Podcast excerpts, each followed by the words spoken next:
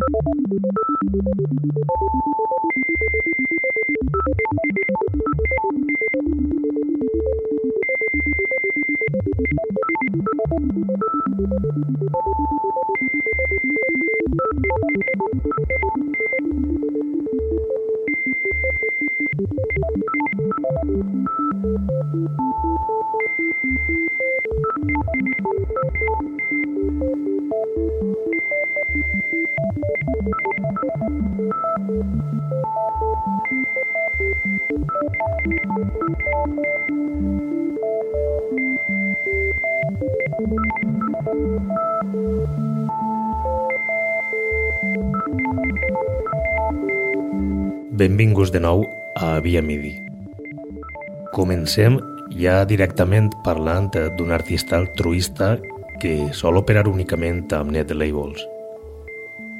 El nord-americà Matthew Vanderbroek.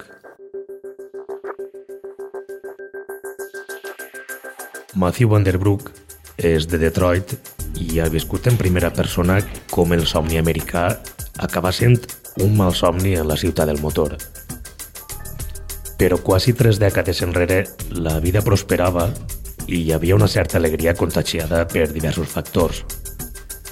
Un d'ells era la creativitat musical que tant ha marcat el gènere electrònic i tant va calar a la població d'esta ciutat i de les localitats limítrofes. Vanderbroek va ser un de tants que es va animar a experimentar amb màquines i ja en l'any 91 optar per decantar-se cap a sons industrials i d'investigació sonora i a dia d'avui el que ha fet ha sigut evolucionar cap a estructures més actualitzades, però encara manté eixa exploració amb textures experimentals, soroll o ambient.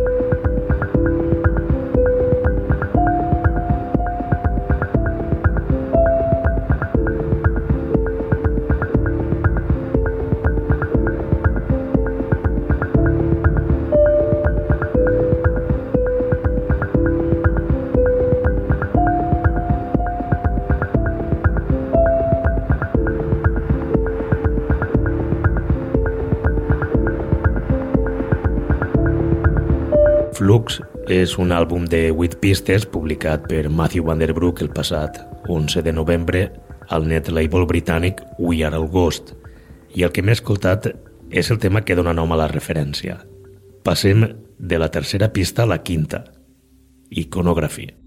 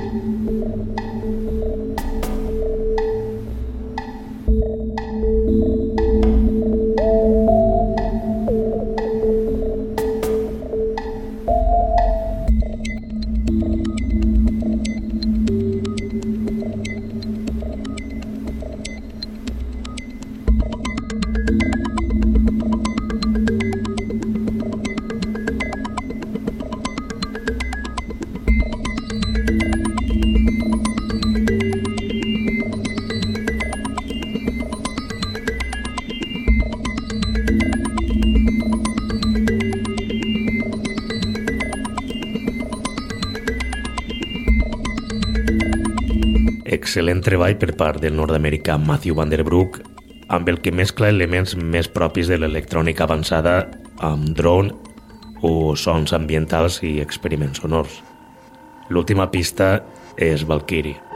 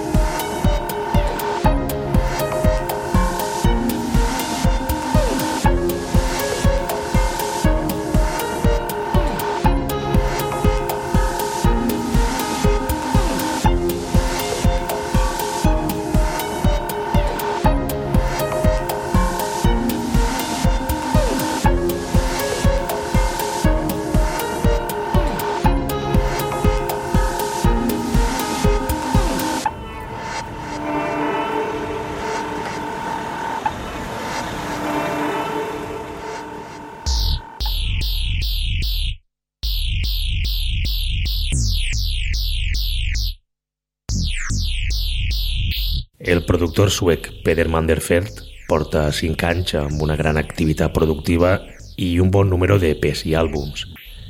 5 treballs de llarga durada des de 2014 i un últim àlbum més recent que publica el passat 16 de novembre al seu setxell, que a més porta el seu nom, i és on ha publicat el gros de la seva discografia. Daily Routine és l'últim àlbum de Peter Mannerfeld. Va eixir a la venda el passat 16 de novembre amb 10 pistes d'electrònica molt diversa. Cigarrets és el tercer tall.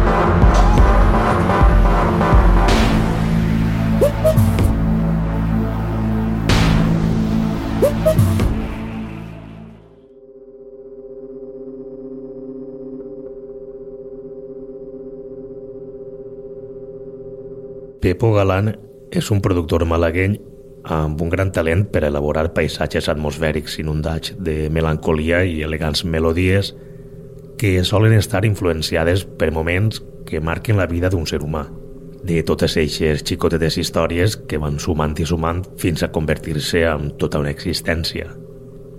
Tots aquests records són els que han guiat el malagueny per a crear Hard Education, treball amb el qual varia el seu actual mètode de composició per a crear ambients lleugers i un tant tenebrosos i combinar-ho amb gravacions de camp. Escoltem Escorto, segona pista d'este llançament.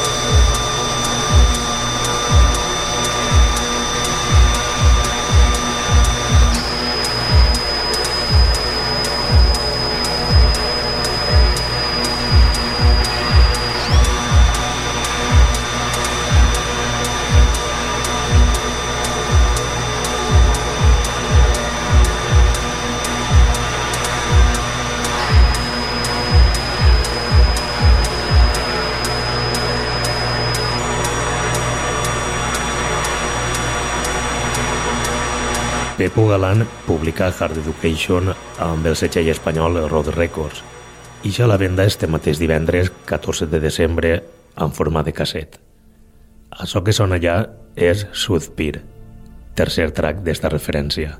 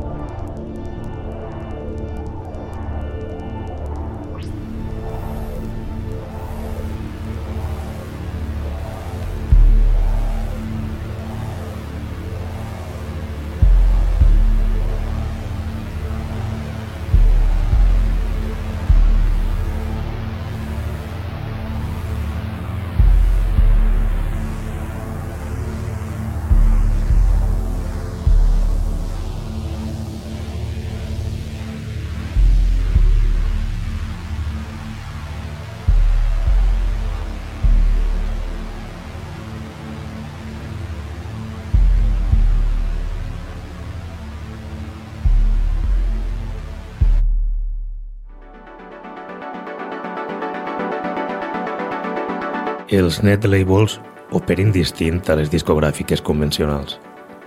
Cada plataforma pot triar una llicència diferent en Creative Commons on s'indica els permisos que ofereix.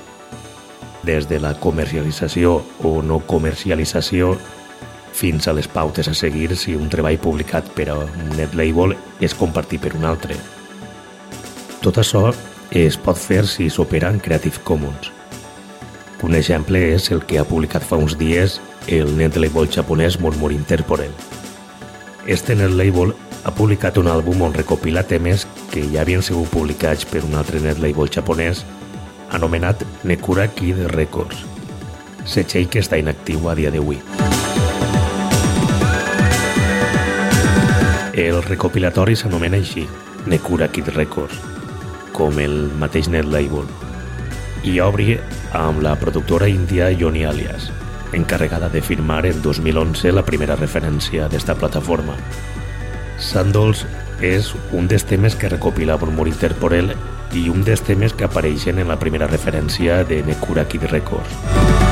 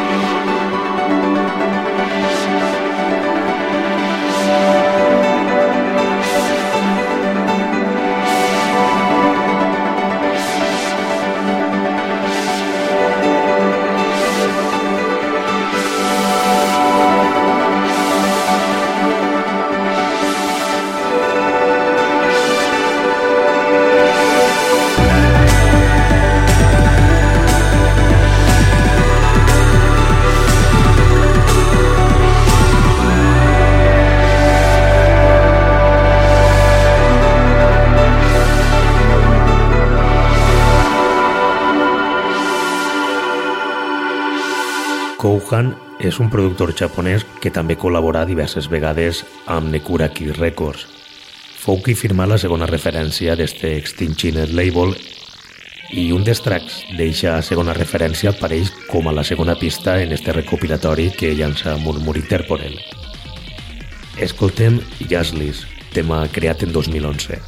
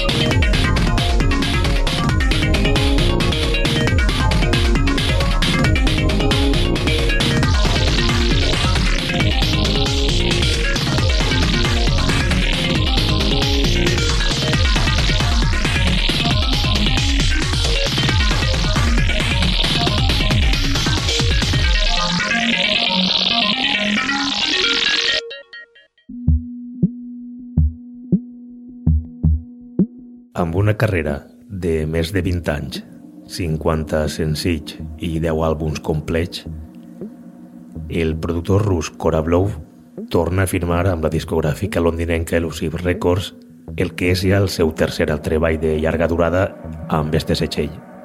I per aquesta ocasió el que ha plantejat és un desdoblament temporal que perfectament podem apreciar amb la ràpida cadència de totes les pistes. Electrònica que esta vegada sona més a drum and bass.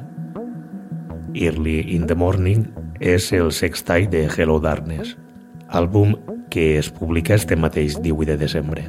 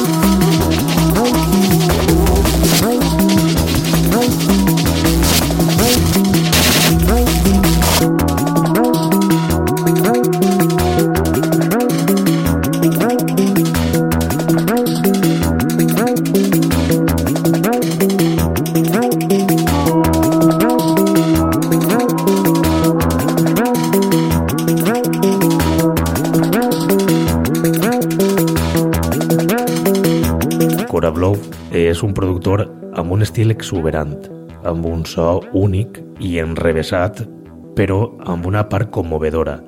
Un gran talent que s'ha vist reforçat amb el suport de grans artistes internacionals.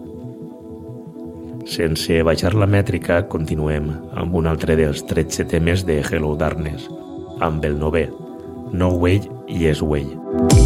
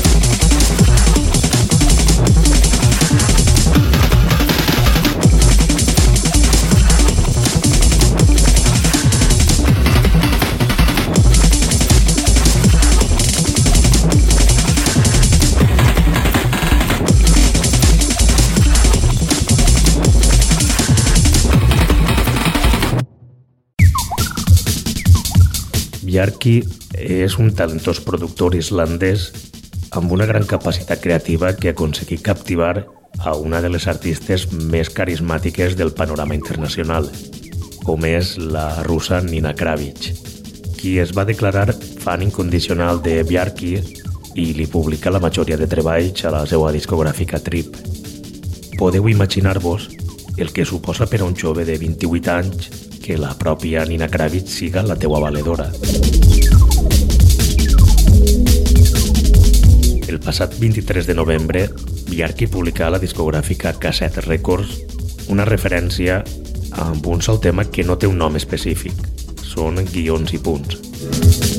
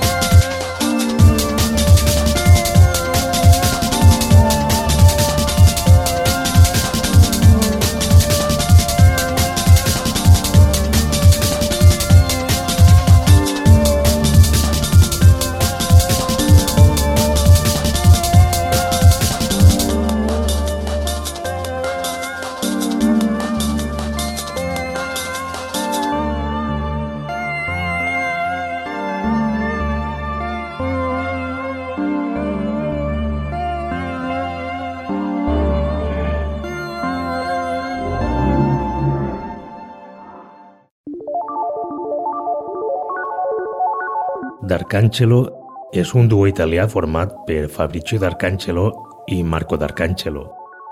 Formació que naix a mitjans de la dècada dels 90 publicant directament amb Reflex, la gran discogràfica d'Afex Twin, i amb un estil que oscil·la entre l'IDM i l'electro. D'Arcangelo encara està actiu a dia d'avui i els seus dos membres, a més, han estat involucrats amb altres projectes, tant en solitari com en altres productors, però sempre els dos junts i algú més, com en el cas d'Automatic Sound Unlimited, projecte que va estar actiu entre 1992 i 1993 i amb el que, a més dels dos germans, també formava part d'esta banda Max Durante. Acabem amb Diagrams i la versió 11, segona pista de Diagram 1014. Treball publicat en 1998 al setxell també italià Natur Records. Vos espere la pròxima setmana amb un nou capítol de Via Midi. Salutacions de Ximo Noguera.